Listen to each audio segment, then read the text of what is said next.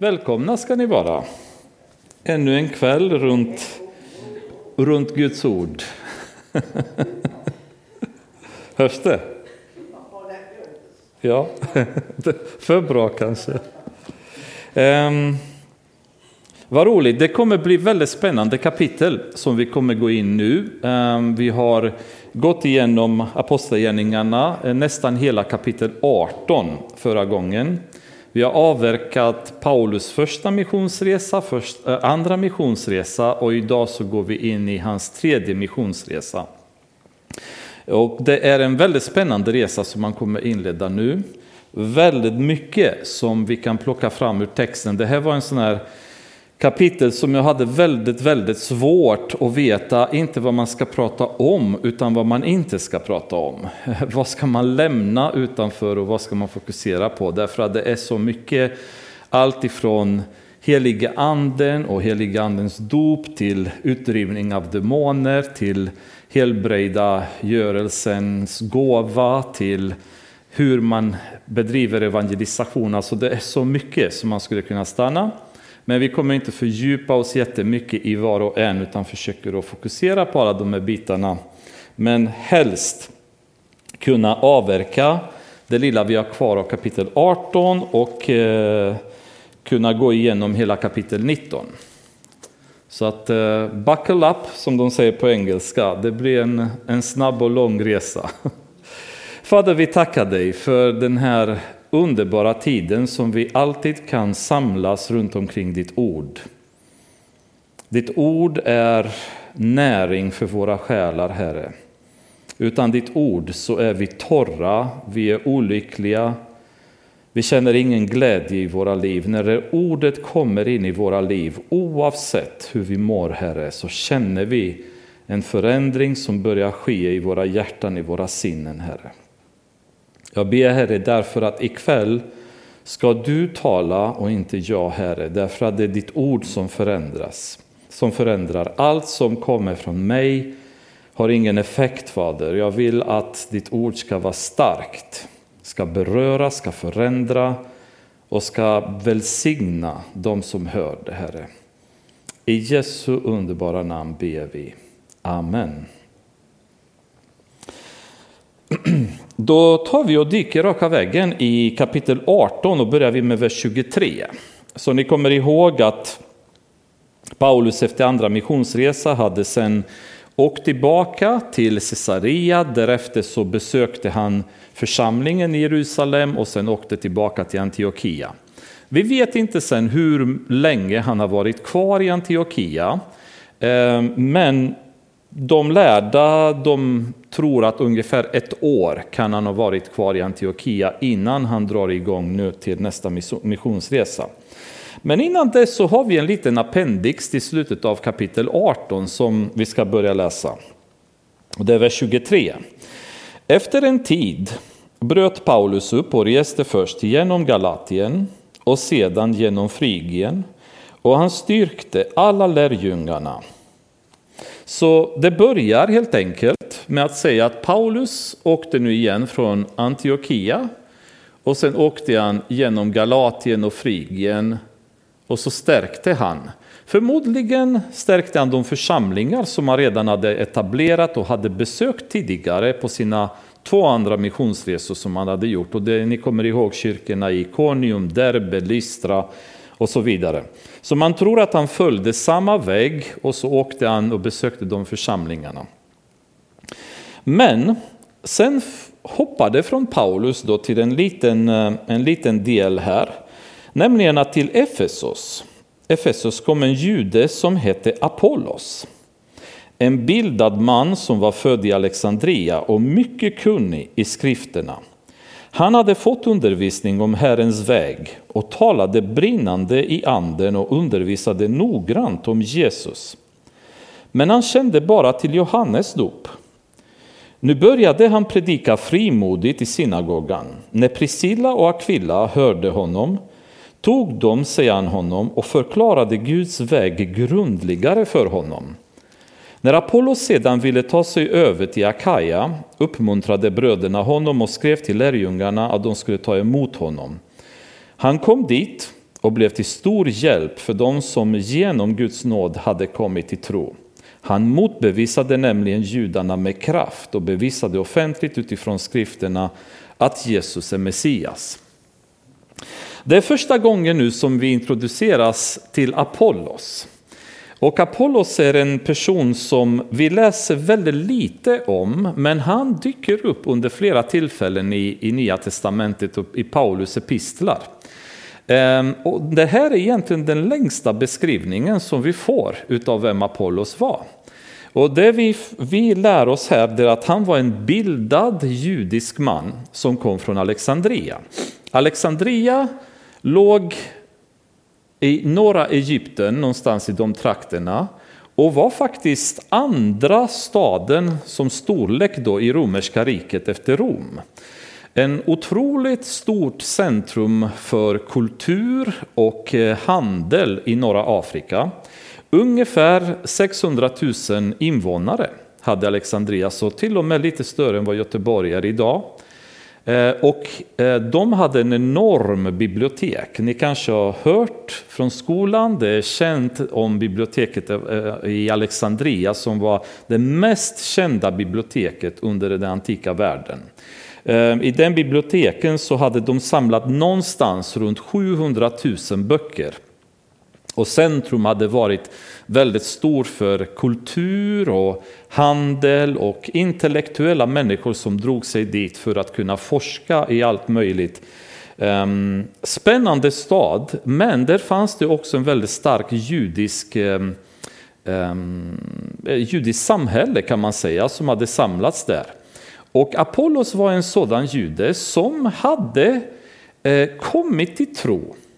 Så han, han anammade kristna eh, vägen som det kallas här. Men han kände inte till något annat än Johannes dop. Och det är lite spännande då att se hur stor effekt Johannes döparen hade haft. För vi läser ganska lite om honom och hans verksamhet för att Jesus kom. Samtidigt som Jesus säger att det har aldrig någonsin funnits en sån profet som Johannes döparen. Eh, vi läser väldigt långa spalter om Elia till exempel, eller andra profeter i Gamla Testamentet. Jeremia som har skrivit en hel bok, Jesaja likaså. Så vi tenderar att se dem som väldigt stora profeter, men Jesus säger att det har aldrig funnits en sån profet som Johannes döparen. Så hans profetiska verksamhet var otroligt storslagen och vi får inte en tydlig bild av det från de korta bitarna som är beskrivna i Nya Testamentet om vi inte läser vad Jesus själv har sagt. Men nu däremot så förstår vi att Johannes döparens eh, verksamhet spred sig härifrån åt alla möjliga håll, ända in i Asien kommer vi läsa senare i kapitlet, där hans dop av omvändelse har spridit sig. Och Apollos hade, hade lärt sig om Jesus. Han hade kommit till tro, men han visste inte, han visste inte allt om evangeliet. Han visste bara en del av evangeliet. Men det som är spännande det är att det han visste om evangeliet, det predikade han frimodigt om. Han, han, han, han hade förstått den delen av evangeliet och med hans kunskaper om gamla testamentet så var det klart för honom vem Jesus var. Vem vägen var som det beskrivs här. Och det predikade han frimodigt.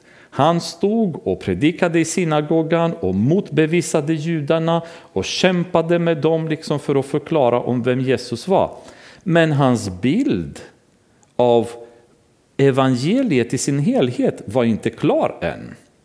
Och ändå så var han så, så ivrig. Och det som är spännande det är att han möter i Efesos Aquila och Priscilla som vi kommer ihåg från tidigare kapitel att Paulus tog med sig på väg tillbaka från Eh, sin andra missionsresa efter han var i Korint här så, så åkte, han, åkte de tillbaka till Efesus och då tog han med sig Aquila och Priscilla där, lämnade dem i Efesus och så fortsatte han vidare till Jerusalem. Och de är kvar nu i Efesus, men Aquila och Priscilla är inte jättegamla i tron. De kom i tron till tron när Paulus var i Korint. Så vid det här laget kanske, vad ska vi säga, har de varit kristna i ett, ett och ett halvt kanske, två år max. Där någonstans ligger så att säga deras nivå. Och så kommer den här väldigt bildade mannen, Apollos, och han predikar och Aquila och Priscilla de ser att han, han är underbar, han har en, en frimodighet, han kan Guds ord, men han har inte sett hela bilden. Man skulle kunna säga så här att det är som att vi skulle åka någonstans med en gammal GPS-karta. Vi har ungefär en hum om var vi är på väg. Men det räcker att en gata eller en sväng på den karta är felaktig så kommer vi snurra väldigt, väldigt länge innan vi hittar fram dit vi ska. Så det, det Apollos har just nu, han har en gammal GPS-karta. Han har gamla testamentet bakom sig och på basis av gamla testamentet så har han förstått att Jesus är Messias och han predikar honom frimodigt. Men han har inte hela kartan. Och vad Aquila och Priscilla gör nu när de träffar honom är att de förstår att han behöver ta sista biten. Han måste inse det sista som finns kvar kring evangeliet så hans vetskap blir fulländad om vem Jesus är och vad hans verksamhet gick ut på. Och de tar sig an um, Apollos och det, det talar lite grann om han, alltså vem Apollos var. De här två, Aquila och Priscilla, de är tältmakare. De är inte bildade personer från Alexandria som kanske har studerat hur länge som helst, är uppväxta i synagogan som överstepräster eller fariseer eller sadduceer, utan de är tältmakare. Så med världsliga mått mätt är de inte särskilt bildade. Men Apollos, han spenderar tid med dem och låter dem förklara för honom om vägen, om vad Guds väg handlar om. Och det krävs en ödmjukhet från en person att göra det. Och det är ju en situation som man ser i början på apostlagärningarna när de förstod att de här människorna som de mötte där, de var inte bildade. Det var fiskare, det var ju tullindrivare och så vidare.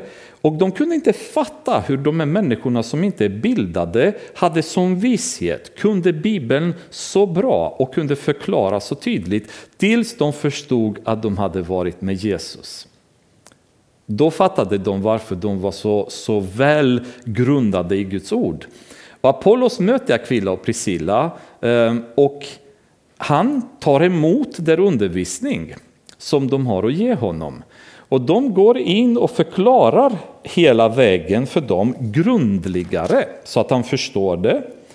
Ehm, och då var han lite sugen på att åka över till, till Akaja, då, det vill säga han ville från Efesus till det här området där Paulus var på sin förra missionsresa, det vill säga i södra nuvarande Grekland. Och då har man skrivit brev till församlingarna där, församlingar som nu fanns redan etablerade av Paulus, så de kunde ta emot Apollos när han kom dit. Och eh, under tiden så motbevisade han judarna. Jag gillar det här, motbevisade. Det vill säga de hade inte trevliga mjuka kaffediskussioner. Det här var gnister förmodligen i, i biblisk argumentation. Och det här är ett önskemål ibland att vi eh, ska våga ha i våra församlingar också, där vi sätter oss ner med varandra som kristna och diskuterar Bibeln. Och i de här diskussionerna så kan det slå gnister ibland. Vi kan, vi kan bli överhettade över våra ämnen eller vad vi tror eller vad vi har kommit fram till. Men resultatet av det, när vi har rätt fokus och respekt för Guds ord, det är att någon som tror fel eller går fel blir motbevisad och får man möjlighet att ändra sig. Jag är väldigt tacksam i mitt liv för de människor som har motbevisat mig. Och det är väldigt trevligt när en person bryr sig så mycket om mig så vill motbevisa mig när jag gör fel. Sen på vägen till att bli motbevisad kanske spjärnar man emot väldigt mycket för man tror på vad man tror. Men när man sen inser att sanningen är en annan, det är befriande att säga jag hade fel och kunna ändra sig. Och Apollo spenderade tid med judarna just för att förklara för dem vad som var sant och försöka motbevisa dem. Ehm, Apollos sen vet vi kommer att gå över till Akaja därför att Paulus i, ehm, i första Korintierbrevet i kapitel 1, vers 12, han refererar till, till Apollos. Tyvärr så är referensen i ett negativt sammanhang, men det är inte på grund av Apollos fel, utan det är mer på grund av eh, de problem som kyrkan i Korint hade börjat få. Och det vill säga de hade fått splittringar i församlingen av ganska allvarlig karaktär. Och Paulus skriver i ehm, kapitel 1, vers 12. Vad jag menar är att ni var och en säger, jag håller mig till Paulus, eller jag håller mig till Apollos. Eller jag håller mig till Kefas, det vill säga Petrus. Eller jag håller mig till Kristus. Är Kristus delad? Det var väl inte Paulus som blev korsfäst för er? Eller var det Paulus namn ni blev döpta? Jag tackar Gud för att jag inte har döpt någon av er utom Crispus och Gaius. Och i kapitel 3, i vers 4, sista delen av vers 4 där, säger han om en säger jag håller mig till Paulus och en annan jag håller mig till Apollos, är ni då inte som folk i allmänhet? Vad är Apollos? Vad är Paulus? Tjänare som har fört er till tro var och en med den uppgift som Herren har gett. Jag planterade, Apollos vattnade, men Gud gav växten. Så det som hände där det är att Paulus hade planterat de här församlingarna, efter honom sen kom Apollos. Och det kan vara så att de kanske hade olika stilar eller att de betonade olika saker på olika sätt. Att de kanske två, hade två olika personligheter. Men det fanns ingen konflikt mellan Paulus och Apollos därför att Paulus senare i bland annat eh, Titusbrevet i kapitel 3 och i Korintierbrevet 16 han pratar gott om Apollos. Och han uppmuntrar församlingen att ta hand om honom och se till honom. Så mellan de här två personerna fanns ingen teologisk konflikt. Men eftersom de i församlingen i Korint var kanske lite kötsliga i hur de levde så hamnade de i vad församlingar många gånger tenderar att hamna i ibland och det vill säga splittring kring vem man håller med. Jag är uppvuxen i en baptistförsamling där det var två familjeklaner som dominerade församlingen och det var ständigt passivt eller aktivt krig mellan de två klanerna. Och alla andra medlemmarna var antingen i skottgluggen och man såg kulorna flyga över huvudet eller var inblandade i att ta ställning för eller mot ena familjen. Så den här splittringssituationen har jag sett ske i församlingar gång på gång. Och det är en kött, ett kötsligt beteende som församlingarna har när de går in i splittring.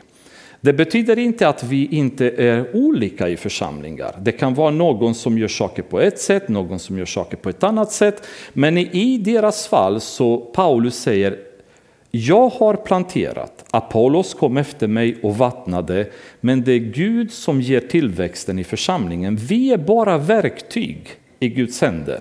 Vi är inte av vikt, säger Paulus, utan han som får det att växa, det är han som är viktig i församlingen.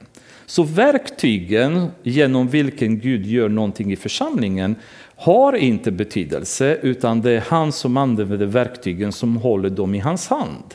Och han är ju väldigt emot splittringar i församlingar, Paulus, genom flera av de epistlar han pratar om.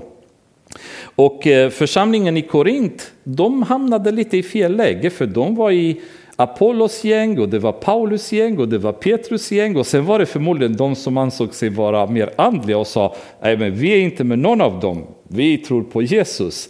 Men förmodligen också kanske hamnat i någon slags eh, ställningstagande position mot de andra. Så det blev ett slags krig, eh, rättfärdigt krig kanske från deras perspektiv, men ändå felaktigt för det leder till splittring. Och Paulus säger, det här måste ni lägga av med. För att det spelar ingen roll vem som gör, som ger budskapet, utan det är han som får det att växa som är viktig. Men Paulus och Apollos vet vi inte om de någonsin har träffats. Eh, vi har inget, ingen skildring av att de två var tillsammans, men Paulus refererar till Apollos. Han uppmuntrar församlingarna att ta emot honom och ta väl hand om honom. En härlig broder. Det vore kul någon gång att bara göra lite djupare ehm, inblick i vem Apollos var. För att han verkar vara en eh, fantastisk bibellärare, i alla fall det har vi förstått. Men medan Apollos var i Korint, så nu hade han kommit i Akaja, kom Paulus ner till Efesos. Så Paulus träffade inte Apollos där i Efesos, utan Apollos hann åka till Korint innan Paulus kom till Efesos. Så vid det här laget nu har Paulus avverkat den här rutten och så kommer han till Efesos här.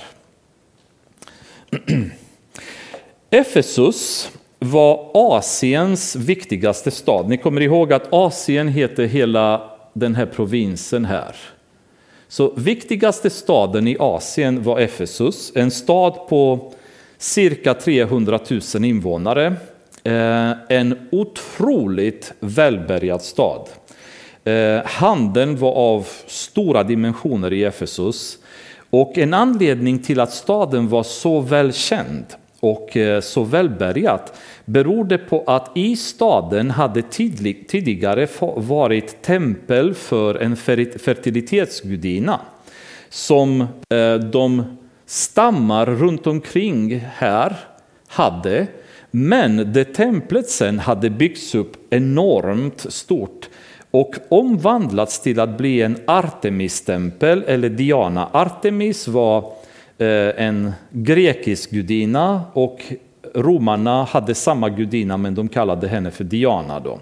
Så det beror på vilka man pratar om.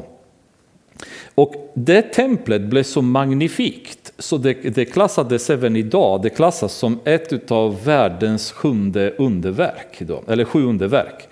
Så att det är fantastiskt eh, tempel. Staden hade enormt häftiga murar, breda gator, bland annat ena gatan ser de att det var ungefär 11 meter bredd och gick rakt genom staden hela vägen ner till hamnen.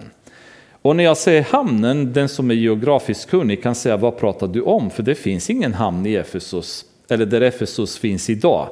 Och anledningen till det är att genom åren så har eh, väldigt mycket av eh, vattnet har tagit med sig sand och byggt upp ehm, kusten så att hamnen hamnade längre och längre och längre ifrån staden. Men på den tiden så fanns det en hamn i Efesus, välmående hamn med väldigt mycket handel där oftast skeppen stannade på väg till Rom. Då. Så en väldigt spännande stad, men det var en av de mest okultiska städerna i romarriket. Så okultismen hade tagit en sånt grepp över staden där eh, tillbedjan av Artemis och Diana hade expanderat extremt mycket till den nivån där folk hade manualer och böcker om häxeri och hur man ska framkalla okultiska krafter och så vidare. Det finns till och med sparad eh, på något museum en, jag tror det, det heter eh, Efesia Grammatica eller något sånt där, någon slags bok om just okultism i Efesus. I romarriket hade de sägner bland annat om om okultismen i Efesos, eller någon, när någon blev väldigt okultisk i sitt beteende, då jämfördes man med någon från Efesos. Så en väldigt mörk stad, där Satan hade tagit ett ordentligt grepp över staden. Och eh, eh intresset för okulta krafter var väldigt stort. Och i den staden så kommer nu Paulus Eh, Eh, för första gången. Han har velat komma dit. Ehm, han har passerat, eller han har passerat Efesus förut på väg tillbaka, men nu kommer han för att stanna, för att verka, för att evangelisera i Efesus. Medan Apollos var i Korin kom Paulus ner till Efesus efter att ha rest genom inlandet. Där träffade han några lärjungar. Och han frågade dem, tog ni emot den heliga anden när ni kom till tro? De svarade honom, Nej, vi har inte ens hört att det finns en helig ande. Han frågade, vilket dop blev ni då döpta med? De svarade med Johannes dop. Paulus sade, Johannes döpte med omvändelsens dop och sade åt folket att tro på den som kom efter honom. det vill säga Jesus. När de fick höra detta döptes de i Herren Jesu namn. Och när Paulus lade händerna på dem kom den helige Ande över dem och de talade i tungor och profeterade. Tillsammans var det omkring ett dussin män. Det här, det här är inte helt lätt, kan man säga, den här biten. Därför att det finns två tolkningar här. Den ena tolkningen är att de här människorna hade redan kommit till tro på Jesus Kristus. Ehm, men de hade inte blivit döpta än och de hade inte blivit andedöpta, det vill säga fått, eh, på, fått en fyllning av helig ande. Och teori nummer två, det är att de här människorna var sympatisörer, det vill säga att de hade en kunskap om tron, men de hade inte blivit frälsta än. Och jag har försökt att läsa ganska noga eh, orden på grekiska. Jag har en app som hjälper mig väldigt mycket att kunna gå in och se originalspråket och kunna se exakt vilka grekiska ord som användes för att se om översättningen har kanske varit lite snäv och på, på så vis så kunde det uppfattas på ett annat sätt.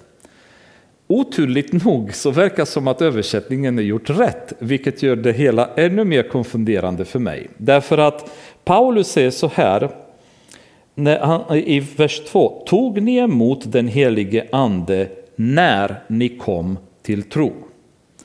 Det jag tolkar ur detta är att de har kommit till tro. Och Paulus fråga är, tog ni emot heliganden? Det vill säga, har ni blivit andedöpta när ni kom till tro? Har ni, blivit, eh, har ni haft det starka mötet där heliganden fyller er efter ni har kommit till tro?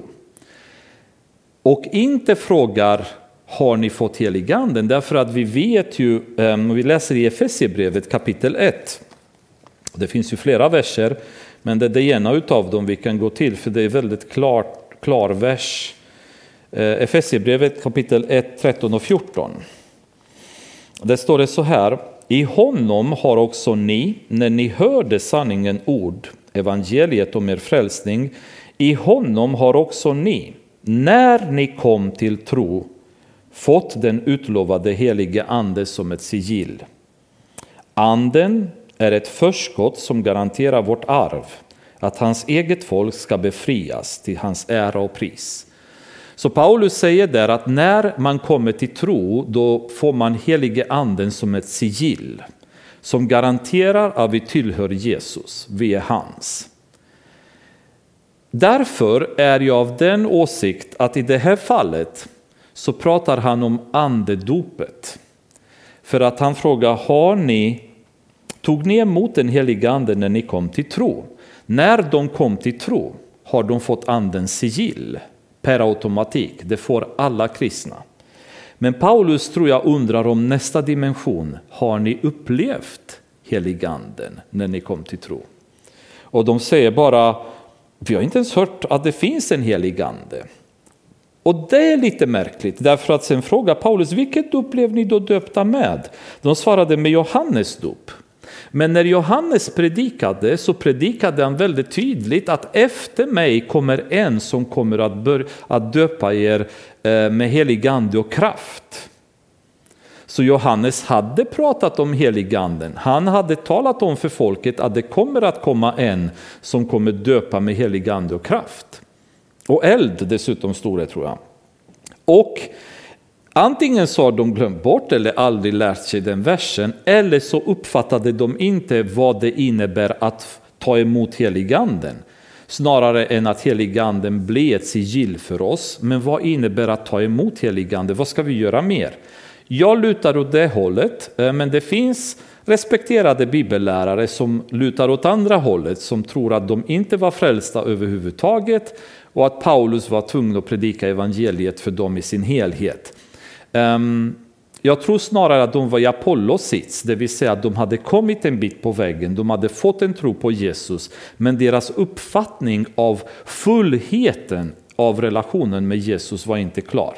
Vi, ni kommer ihåg när vi pratade om judarna som gick genom öknen så pratade vi när de kom in i förlovade landet så ville Gud att de skulle inta hela landet och hela landet för judarna innebär fullheten av vårt kristna liv. Eh, intaget av Kanaan för judarna eh, är ett spegel av kristnas fullständiga liv med Jesus. Och därför sa Gud till dem, ni ska inta allt. Men det gjorde de inte, de intog bara delar av det och lämnade kvar andra delar. Och det är precis så hos oss, alltså vi tar ibland inte fullheten av vår relation med Gud och fastnar på vägen och inte går hela vägen. Jag tror personligen mer att det är det det handlar om. Och det är det Paulus var ute efter. Han ville få dem att förstå att det finns en fullhet i relationen med Jesus som ni måste komma upp till. Eh, det är fantastiskt att ni har blivit döpta med Johannes dop, men det betyder bara omvändelse. Ni måste bli döpta i Jesu Kristus så att ni blir en del med honom i detta. Och de blir döpta och resultatet av det, det är att de blir fyllda av heliganden och börjar profetera och börjar tala i tungen. Och det finns ju olika sätt i apostlagärningarna som folk har tagit emot heliganden. I detta fall så gjorde de genom handpåläggning då, när de lade sina händer på dem. Personligen lägger inte jag jättestor vikt till metoden genom vilken en person tar emot heliganden. Det viktigaste dock är att vi som kristna tar emot heliganden, att vi är öppna och att vi söker en fullhet i vår relation med Gud där heliga anden ska fylla våra liv. För resultatet av att bli andefylld har vi sett vid pingstdagen, det bubblar ut. Evangeliet bara flödar ut. Och varenda gång folk har tagit emot heliga anden och blivit andefyllda i, i apostlagärningarna, vad gör de? De börjar tala i tunger och profetera. Och eh, jag tror att de talade i tungor på samma sätt som apostlarna gjorde vid pingstdagen, det vill säga att de predikade evangeliet i olika tungotal och folk hörde evangeliet. Och de uttryckte djupa tankar från Guds ord som människor i normala fall inte klarade av att göra om man inte är andefylld. Så fördelen av att bli andefylld är att man, man kan säga själv, själv Självklart så blir man från en introvert person till en extrovert person. Det börjar komma saker ur igen till andra människor. Så att kunna välsigna andra människor med våra liv. Sedan gick han till synagogan, vers 8, och förkunnade frimodigt under tre månaders tid. Han samtalade med dem och försökte övertyga dem om det som hör till Guds rike. Men några förhärdade sig och ville inte tro utan talade illa om vägen. De kallade på den tiden kristna för vägen inför hela församlingen. Då lämnade han dem och tog lärjungarna med sig och höll sedan samtal varje dag i Tyrannus hörsal. Ville inte tro det här är ju en permanent um, vers som vi möter i Apostlagärningarna. Kraften och logiken i evangeliet som Paulus predikade och som apostlarna predikade, det var så tydlig. Det var så klar. Så det gick inte att inte tro om man inte bara envisades att inte göra det. För det är ju samma idag. Det finns ju människor som, det kvittar hur mycket och hur logiskt man argumenterar för evangeliet. Och trots att de inte har några argument emot, trots att det är självklart, så vill man inte tro. Man hade bestämt sig att jag vill inte tro på detta. Det här är galenskap, det här är kristna kristet dravel, jag tänker inte bry mig om det. Och så pratar man till döva öron hela tiden för att de vill inte tro.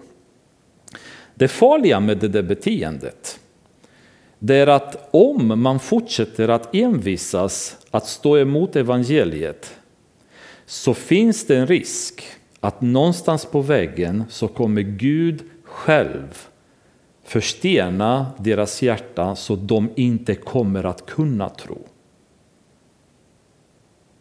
Och då är det kört. Så när en person permanent envisas att förakta Guds evangelium trots dess uppenbara sanning och kraft så finns det en risk att någonstans på vägen säger Gud, du har fått alla chanser, från och med nu är det slut. Och då är det slut. Faraos fall är ju en klassiker när Mose hade visat hela tiden de mirakel som Gud hade hjälpt honom att visa. Och det stod att farao härdade sitt hjärta, farao härdade sitt hjärta, farao härdade sitt hjärta. Men sen så skiftade och säger, men Gud härdade faraos hjärta och då var det kört. Då finns det aldrig någon återvändo. När Gud har bestämt att du har fått alla chanser som du skulle ha fått från och med nu är det kört. Nu går det vidare till någon annan. Och det är väldigt farligt när en person envisas att härda sitt hjärta inför Gud för man vet inte hur länge Guds tålamod varar med var och en. Med vissa har han längre tålamod, med andra har han kortare tålamod utan någon anledning som vi inte förstår. Men de ville inte tro och det är en farlig grej att inte kunna tro, att jag inte förstår, att det inte är klart för mig. Då finns det hopp, liksom. då kan man argumentera, då kan man be, då kan man fortsätta kämpa med den personen. Men när alla argument är klara, när Guds evangelium är klar och sann och tydlig och personen säger bara men jag vägrar tro, jag, vill inte, jag bryr mig inte om detta. Då är det mycket mer problematiskt. Och det är ju det här med att de inte ville tro som är så, så sorgligt. Men då lämnade Paulus dem och tog lärjungarna med sig och höll sedan samtal varje dag i Tyrannus hörsal.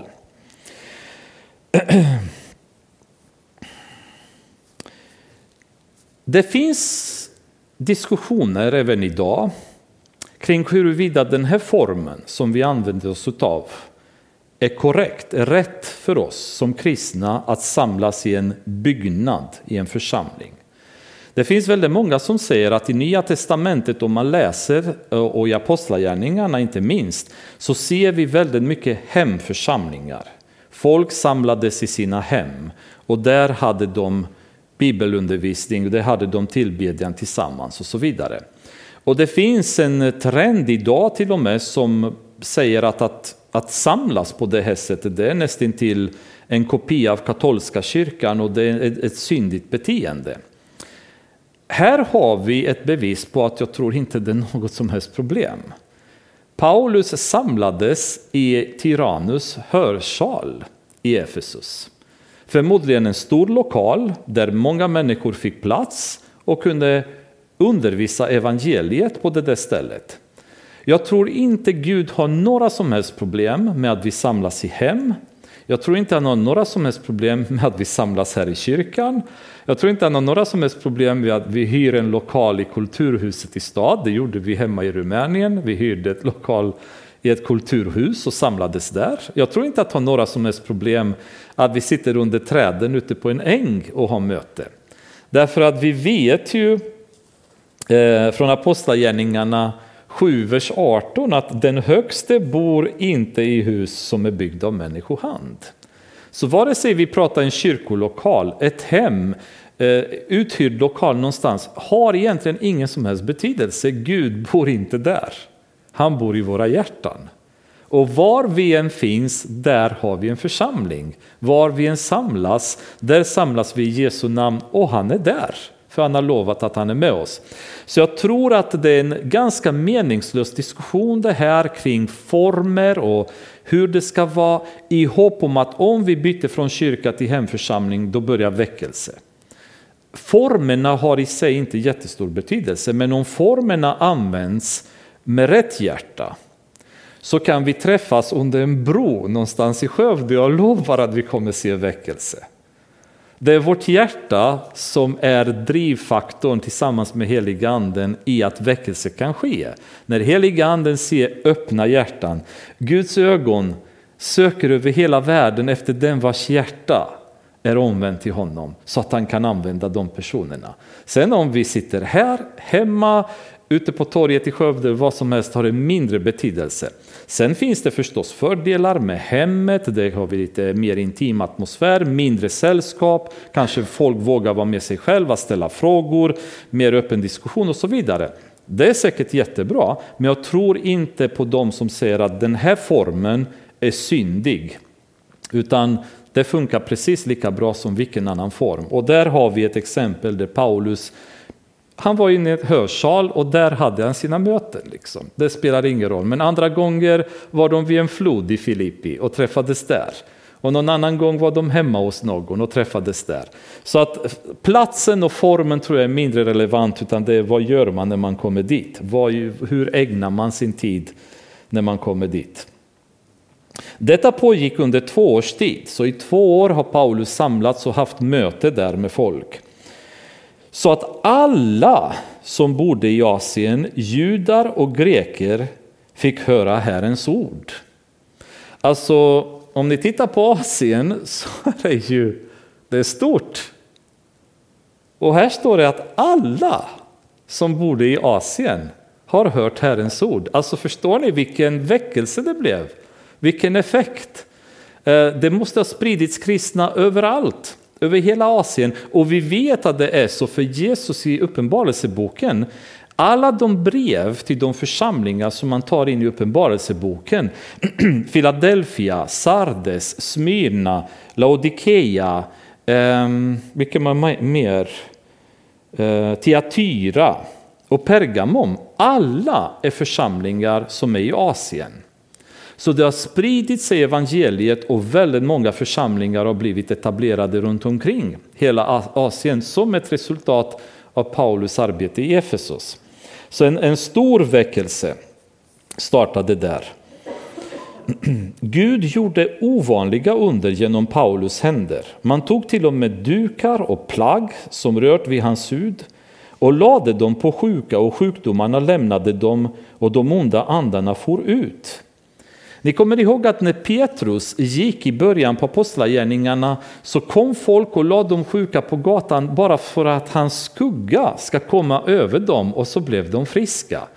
Alltså de under som Gud gjorde är helt fantastiska i apostlagärningarna eh, genom de här apostlarna. Så Paulus verksamhet backades inte genom skickligt resonemang kring evangeliet utan backades också av Guds kraft genom tecken och under som man kunde göra. Och man skulle kunna gå in på djupare huruvida dessa fungerar i våra dagar eller inte, men jag tänker inte ta det här utan kanske vid något annat tillfälle. Men jag tror dock väldigt starkt att Gud är densamme igår, idag och imorgon. Och att Gud är fortfarande fullt kapabel att göra under. Mitt problem är lite mer huruvida jag skulle hantera den uppmärksamheten som jag kommer få om Gud gör ett under genom mig. Klarar jag att vara ödmjuk? Klarar jag att inte ta åt mig äran? Klarar jag att inte söka uppmärksamhet och inte vill ha mitt ansikte i affischer och på tv-program på evangelisationskampanjer. Kom, här kommer broder George, han kommer ha helbrägdagörelsegudstjänst och sådana saker. Kommer jag klara av att stå emot det där kändisskapet som kommer med det? Så min, min fråga, och jag vet inte om det är det, det fullständiga svaret, men min undran är huruvida vi är kapabla att hantera Guds mirakel genom oss utan att ta åt oss äran. För en sak som Gud aldrig vill och aldrig gillar, det är att vi tar åt oss äran för det han gör. Och jag tror det finns ett problem idag med kändissamhället ehm, som vi lever i. Där är väldigt lätt som kristen att synas för mycket, höras för mycket och ta Guds ära. Så ehm, jag skulle väldigt gärna vilja se mer sånt idag, verkligen. Varför ser inte vi mer idag? Är det på grund av brist på tro? Är det på grund av att Gud har hittat ett ännu bättre väg? Som han sa till Paulus när Paulus bad honom ett, ett mirakel. Att du har min nåd räcker till dig. Räcker kanske så. i många fall. Är det så kanske att Guds ord, nu när det är komplett, ska egentligen räcka för att människor ska bli frälsta och bara i vissa undantagsfall så kommer Gud och gör mirakel när det behövs? Jag vet inte och vi kan spekulera kring svaren. Men jag ser vår inkapacitet av att ge Guds ära många gånger som ett hinder i att Gud inte kan använda oss till fullo. För vi är väldigt snabba att ta åt oss äran, att synas, att, att gilla att höra våra namn uttalas. Och det vill inte Gud. Så jag ska inte gå djupare på det, men jag tror att det kan vara en anledning till det. Men när man läser sånt här så känner man bara, oh, tänk att kunna se sånt idag. Tänk vad härligt det vore liksom att se den här evangeliet som i både ord och handling syns ute på gatorna. Eller kan det vara så att evangeliet knappt ens hörs med ord idag på gatorna? Och vad ska vi göra med att bota sjuka när vi inte ens predikar evangeliet överhuvudtaget? Kanske ska vi börja med att predika evangeliet på riktigt. Ehm, söka människorna, evangelisera världen. För att Jesus sa att ni kommer gå i hela världen predika evangeliet och i kölvattnet av detta så kommer mirakel ske. Så om vi inte är ute och predikar evangeliet på riktigt, på allvar, med ödmjukhet och andlighet och heliga andens kraft och inte egen kraft, det är kanske omöjligt att vi ser mirakel ske. För att de är inte evangeliet, de bara bygger upp evangeliets kraft, evangeliets mening som vi predikar. Kanske något att tänka på och rannsaka oss själva kring det. Några kringvandrande judiska andeutdrivare försökte sig också på att uttala Herrens, Herren Jesu namn över dem som hade onda andar.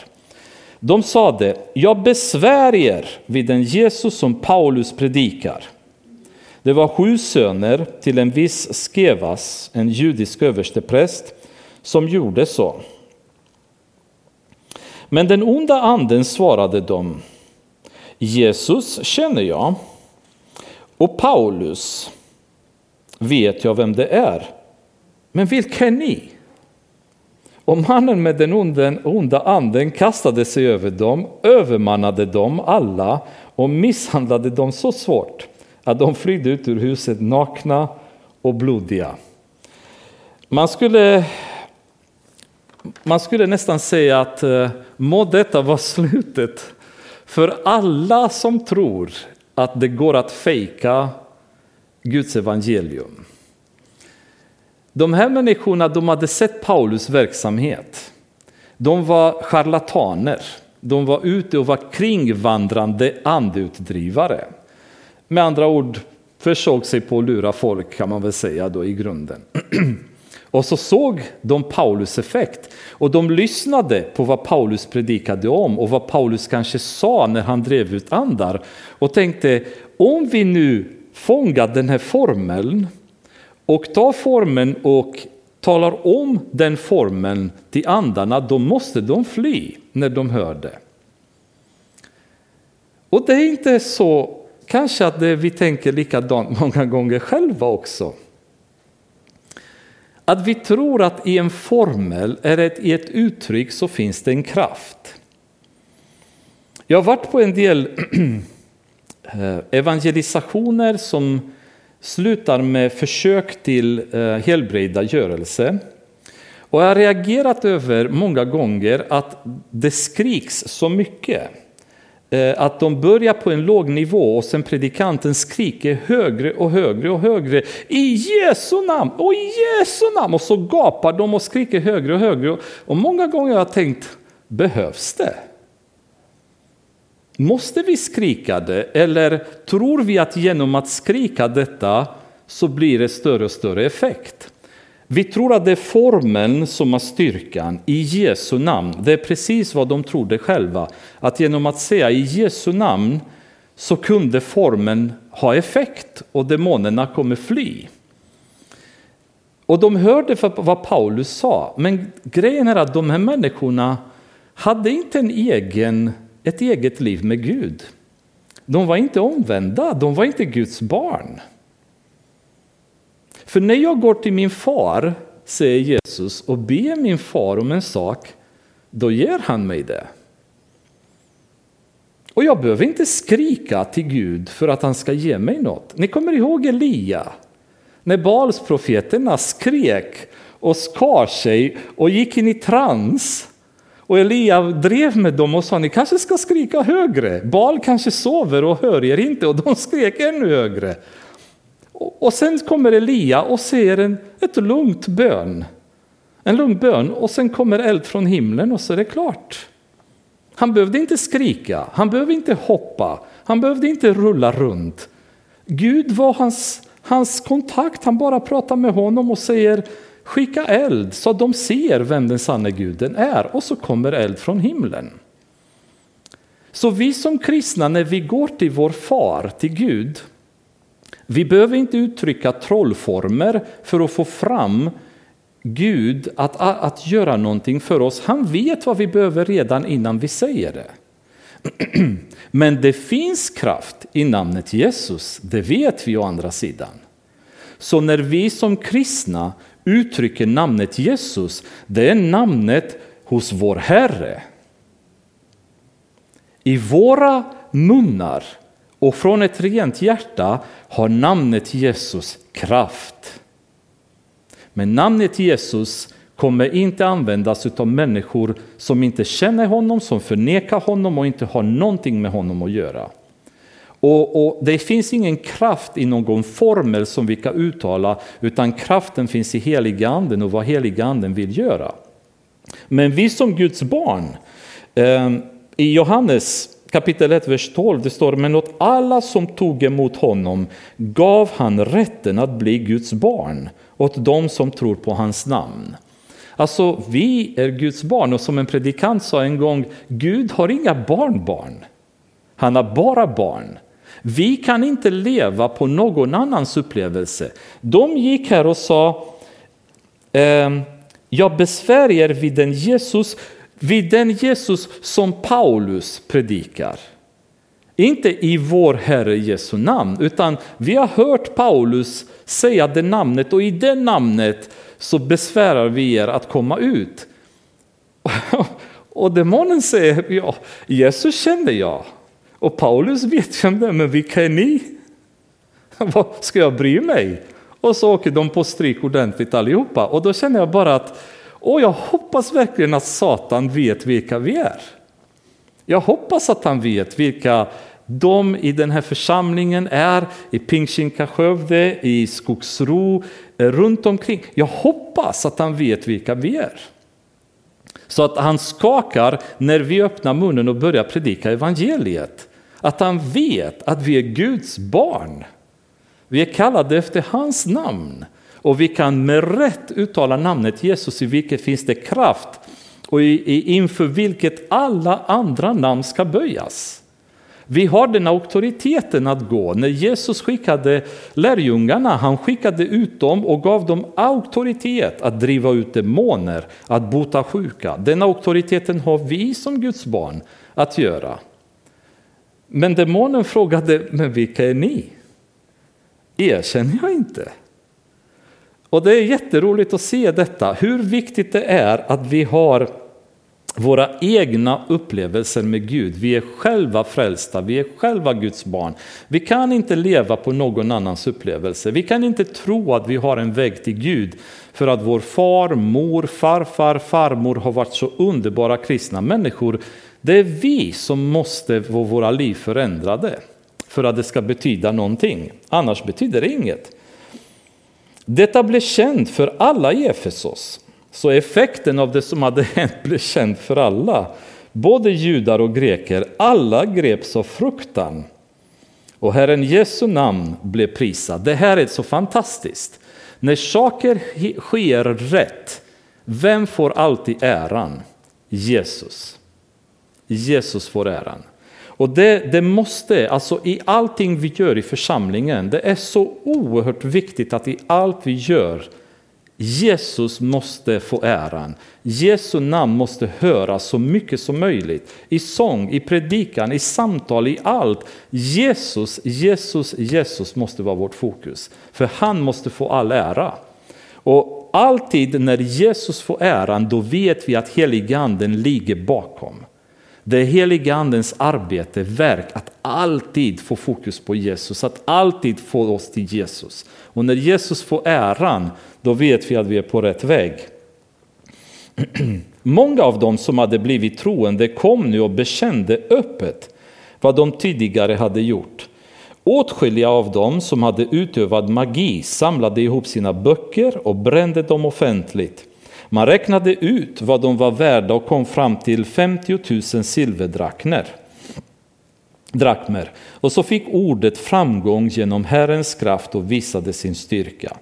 Så de här människorna nu hade förstått att det här var på allvar eh, och började fatta att okultismen som de levde i var felaktig, det ska bort. Och de bara omvände sig i skaror. Och vad gör de när de omvänder sig? De bränner sina böcker, sina okulta böcker som de hade läst, som de hade samlat. De bränner dem. Därför att de vill kapa det, det bandet, den kedjan som höll dem fast vid den tidigare världen, det tidigare livet de hade levt då. Men i moderna sammanhang skulle nog inte vi kunna säga att det här var lite för extremt, eller hur? Ska man verkligen göra så? När man kommer till tro, ska man verkligen sudda bort sina spellistor från Spotify med okristen musik som man har lyssnat på innan? Eller kanske man kan spara? När jag lyssnade på John Lennon säga att vi är big, we're bigger and more popular than Jesus was. Vi är större och mer populära än vad Jesus var. Då blev jag vansinnig och tog bort alla Beatles-låtarna från kassettbanden som jag hade. Ehm, och jag kände att det var helt rätt att göra det. Att kapa det bandet med världen. De ska inte, jag inte lyssna på. Det här är ingen musik som bygger upp mig. Men några år senare så kände jag bara, ah, men det kan väl inte vara så farligt. Om jag lyssnar på Yesterday eller någon annan låt, för det är väldigt bra musik och jag gillade Beatles väldigt mycket. Och så började jag ta tillbaka dem i mitt liv. Och brände ner CD-skivor igen med deras musik och lyssnade. Och sen var det några år sedan när jag kände igen vad håller jag på med? Och då, liksom, då tog jag bort igen alla Beatles-låtar, då var de borta och sen dess har de inte kommit tillbaka. Det är en liten sak, det är inte en jättestor märkvärdig grej. Men jag tror att vi behöver kapa banden med världen för att vi verkligen ska uppleva en riktig befrielse. Så att vi inte hänger för mycket i den miljön som vi har gjort innan vi har blivit kristna ehm, eller experimentera med saker som kanske inte idag är ett problem, men en bit framöver kan orsaka fall för oss. Om vi tittar på Simson så har vi ett klassiskt exempel. Där han hade fått klart sagt till honom från Gud hur han ska leva. Han fick låta sitt hår växa, han fick inte klippa det, han fick inte röra vin, han fick inte ens äta vindruvor för att han var en naziré. Han fick leva ett rättfärdigt liv som domare i Israel. Men han började umgås med filistierna, vilket han inte skulle ha gjort. Han skaffade sig en älskarinna bland filistierna, vilket var en synd. Och så småningom så utvecklar han en relation med henne som får honom att hamna djupare och djupare i den relationen till den punkten då han i ett ögonblick av svaghet faller. Men det började med att han började kompromissa med att tänka att men det här kan inte vara så stort problem. Jag kan ju göra det, jag är stark nog, jag kan befria mig själv om problemet dyker upp. Och vi tror ibland att vi är starka, men jag tror att vi bör titta närmare och närmare på vad är det i våra liv vi behöver kapa bort? Vad är det vi behöver bränna i våra liv? För idag så är det ju väldigt mycket det här att vi som kristna behöver inte vara så eh, vad är ett ord, fanatiska är ordet. Det här, det här kallar man för fanatism, alltså bokbål, seriöst. Det förknippar man med mycket annat men inte med kristet beteende. Eh, jo, det behöver vi göra. Vi behöver bränna mycket på bålen så att våra liv inte är fastkedjade längre vid den värld vi levde i innan. Och det gjorde de. Och resultatet av det, det var att ordet fick framgång genom Herrens kraft och visade sin styrka. När detta var över bestämde sig Paulus i anden för att resa genom Makedonien och Akaja och sedan till Jerusalem. Han sade, när jag varit där måste jag också besöka Rom. Han hade hela tiden den här önskan att komma till Rom. Han ville så gärna komma och predika evangeliet i Rom. Han kommer att komma till Rom förr eller senare, men han kommer att komma som fånge. Och det hade han kanske inte på den tiden tänkt sig, men Gud hade en annan plan. Han sände två av sina medhjälpare, Timoteus och Erastus, till Makedonien, så de måste ha funnits i Efesus med honom. Och så skickades de sen till Makedonien. och eh, eh, Han själv stannade kvar i Asien. Men vid den tiden bröt det ut ett stort upplopp med anledning av vägen. En silversmed som heter Demetrius tillverkade Artemis-tempel i silver vilket gav hantverkarna stora inkomster. Nu samlade han dem och även andra som hade liknande arbeten och sade Herrar, ni vet att vi har vår rikedom från den här verksamheten, men ni både ser och hör hur den här Paulus har fått med sig en mängd människor, inte bara i Efesos utan i nästan hela Asien med sitt tal om att gudar gjorda av människohand inte skulle vara några gudar. Det är risk att inte bara vårt hantverk får dåligt rykte utan också att den stora gudinnan Artemis tempel tappar sitt anseende och att hon som dyrkas av hela Asien och hela världen förlorar sin storhet. Så Demetrius ser en fara för sin verksamhet som tillverkade tempel i silver. Och eh, han, han ser att det här är ett problem. Om kristna sprider sig så mycket, om så många kommer till tron, det är ingen som kommer att köpa våra tempel längre. Våra avgudabilder som vi bygger och som vi tjänar grova pengar på idag. Och det är precis det som händer idag med väckelser. När det bryter ut en, alltså en, när väckelse bryter ut någonstans så kan inte den staden eller det landet eller det området bli oberörd. För när folk kommer till tro så förändras liv. Och när, när liv förändras då skakas grunden på vilken respektive samhällen har byggts. Det kommersiella som finns i det samhället, alkoholkonsumtionen till exempel. Under väckelserna i England det var väldigt stort motstånd mot kristna bland de som drev eh, alkoholförsäljning. Därför att alkoholförsäljningen havererade. Det kanske inte skulle göra idag längre när många kristna kommit på att det är helt okej okay att dricka. Men då, när kristna tog sin tro kanske på ett annat nivå än många av oss gör idag, så havererade alkoholdrickandet. I Rumänien så vet jag att det fanns en konflikt mellan en församling, där mittemot församlingen fanns det en nattklubb och de här i församlingen de predikade evangeliet och kämpade och så vidare och de på nattklubben gav sig inte och försökte motverka församlingen allt de bara kunde. Så till slut bestämde sig församlingen gå in i bön på riktigt och de hade bönemöten och bad och bad tills nattklubben gick i konkurs. Och därför förstår vi att de här människorna hatar kristna. därför att när kristna börjar öka, när tron kommer in i samhället, när liv blir förändrade, då kommer folk att säga att det här är ett hot mot kvinnorörelse, det här kristna förtrycker kvinnor. Det här är hot mot abortfriheten, det här är ett hot mot homosexuellas frihet i Sverige om för många blir kristna och börjar tro på det. Så det finns ju de här hoten som, som folk är rädda för, eh, att de tror att kristna blir ett hot. Och det blir det, därför att när människor blir frälsta, när de inser sanningen så vill de förändra sina liv. De vill sluta supa, de vill eh, sluta överkonsumera produkter, de vill sluta stödja eh, saker som är ogudaktiga. De vill inte bli delaktiga i saker som, som inte är korrekta, inte passar Bibeln och så vidare. Så det finns en fara för samhället när kristna sprider sig och Demetrius tänkte det här måste vi göra något åt, annars får vi problem.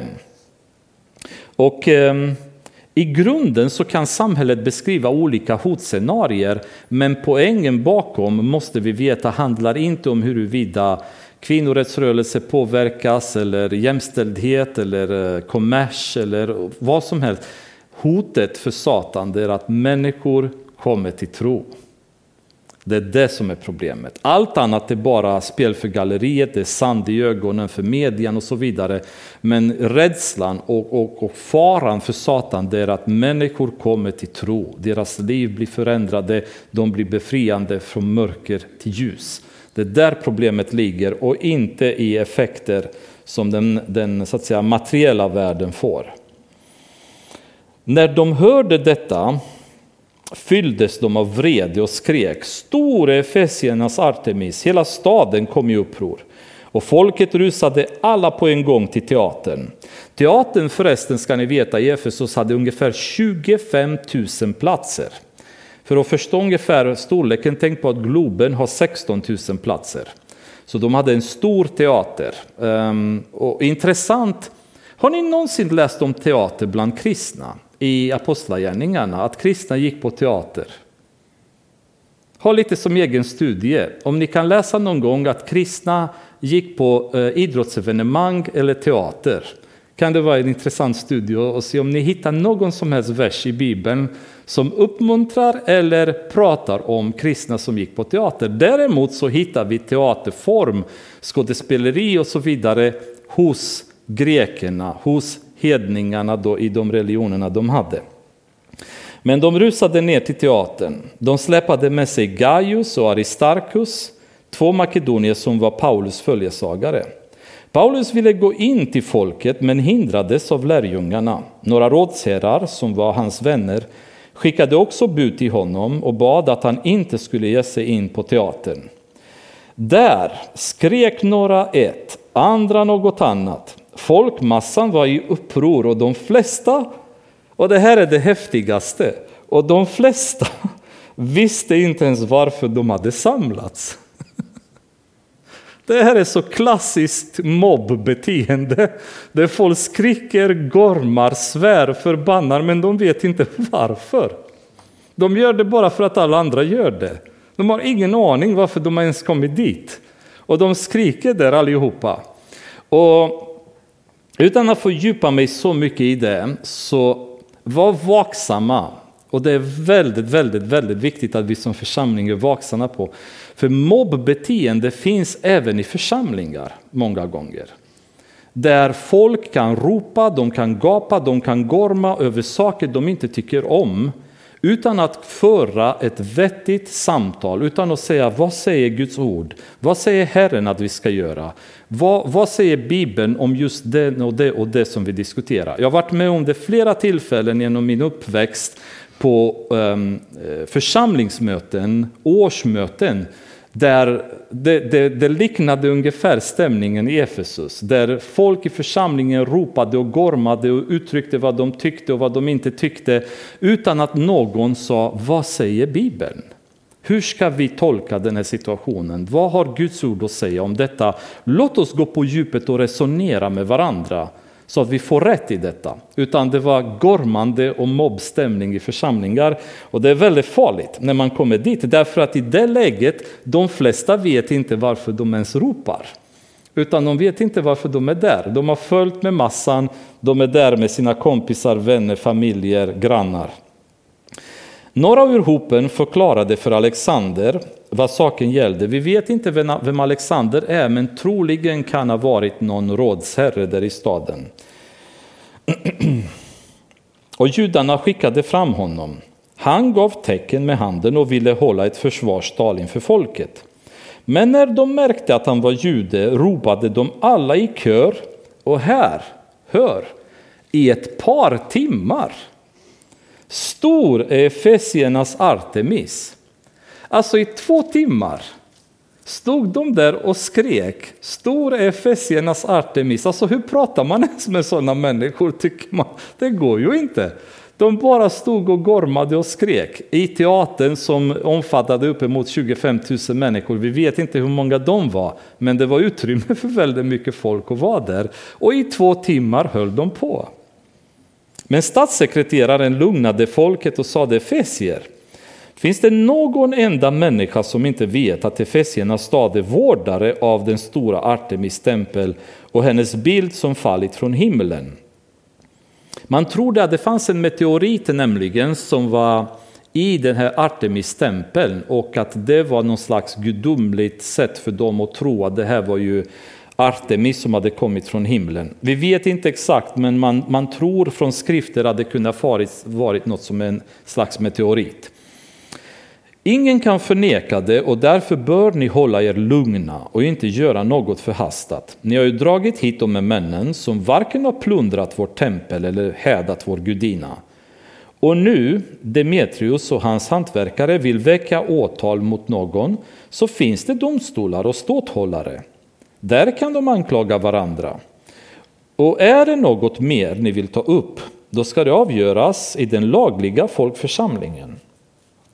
Så han säger i princip, vi har lagar, vi har skrifter, har de gjort något fel, då är det inga problem, då drar vi dem inför domstol och diskuterar där, men vi behöver inte hålla på och härja som ni gör då. Efter det som hänt här idag riskerar vi att anklagas för uppror, vilket i romarrikets lagar var ganska allvarligt. Man kunde få hela romerska makten att bara krossa sönder uppror när, det, när sånt hände. Vi kan inte ge något skäl om vi ska stå till svars för det här kaotiska mötet. Med dessa ord upplöste han församlingen. Tack och lov, säger man. Liksom. Eh, och i och med detta så är vi klara med Efesus. Nästa gång då kommer Paulus tillbaka in i Makedonien och Grekland där han var på sin andra missionsresa. Men ehm, ta med er de här tankarna och eh, gräv vidare hemma. Eh, speciellt de här bitarna som kanske är lite oklarare med lite frågetecken. Du har sagt att det här är vad jag själv tycker men jag är inte säker på att det stämmer. Det är sådana texter som tål att eh, gräva vidare i så att ni bildar er uppfattning som ska vara stabil och sann. Fader, vi tackar dig för detta och ber om din välsignelse över var och en som har varit här ikväll. Öron som har lyssnat och hjärtan som har tagit emot ditt ord för välsignade i Jesu namn.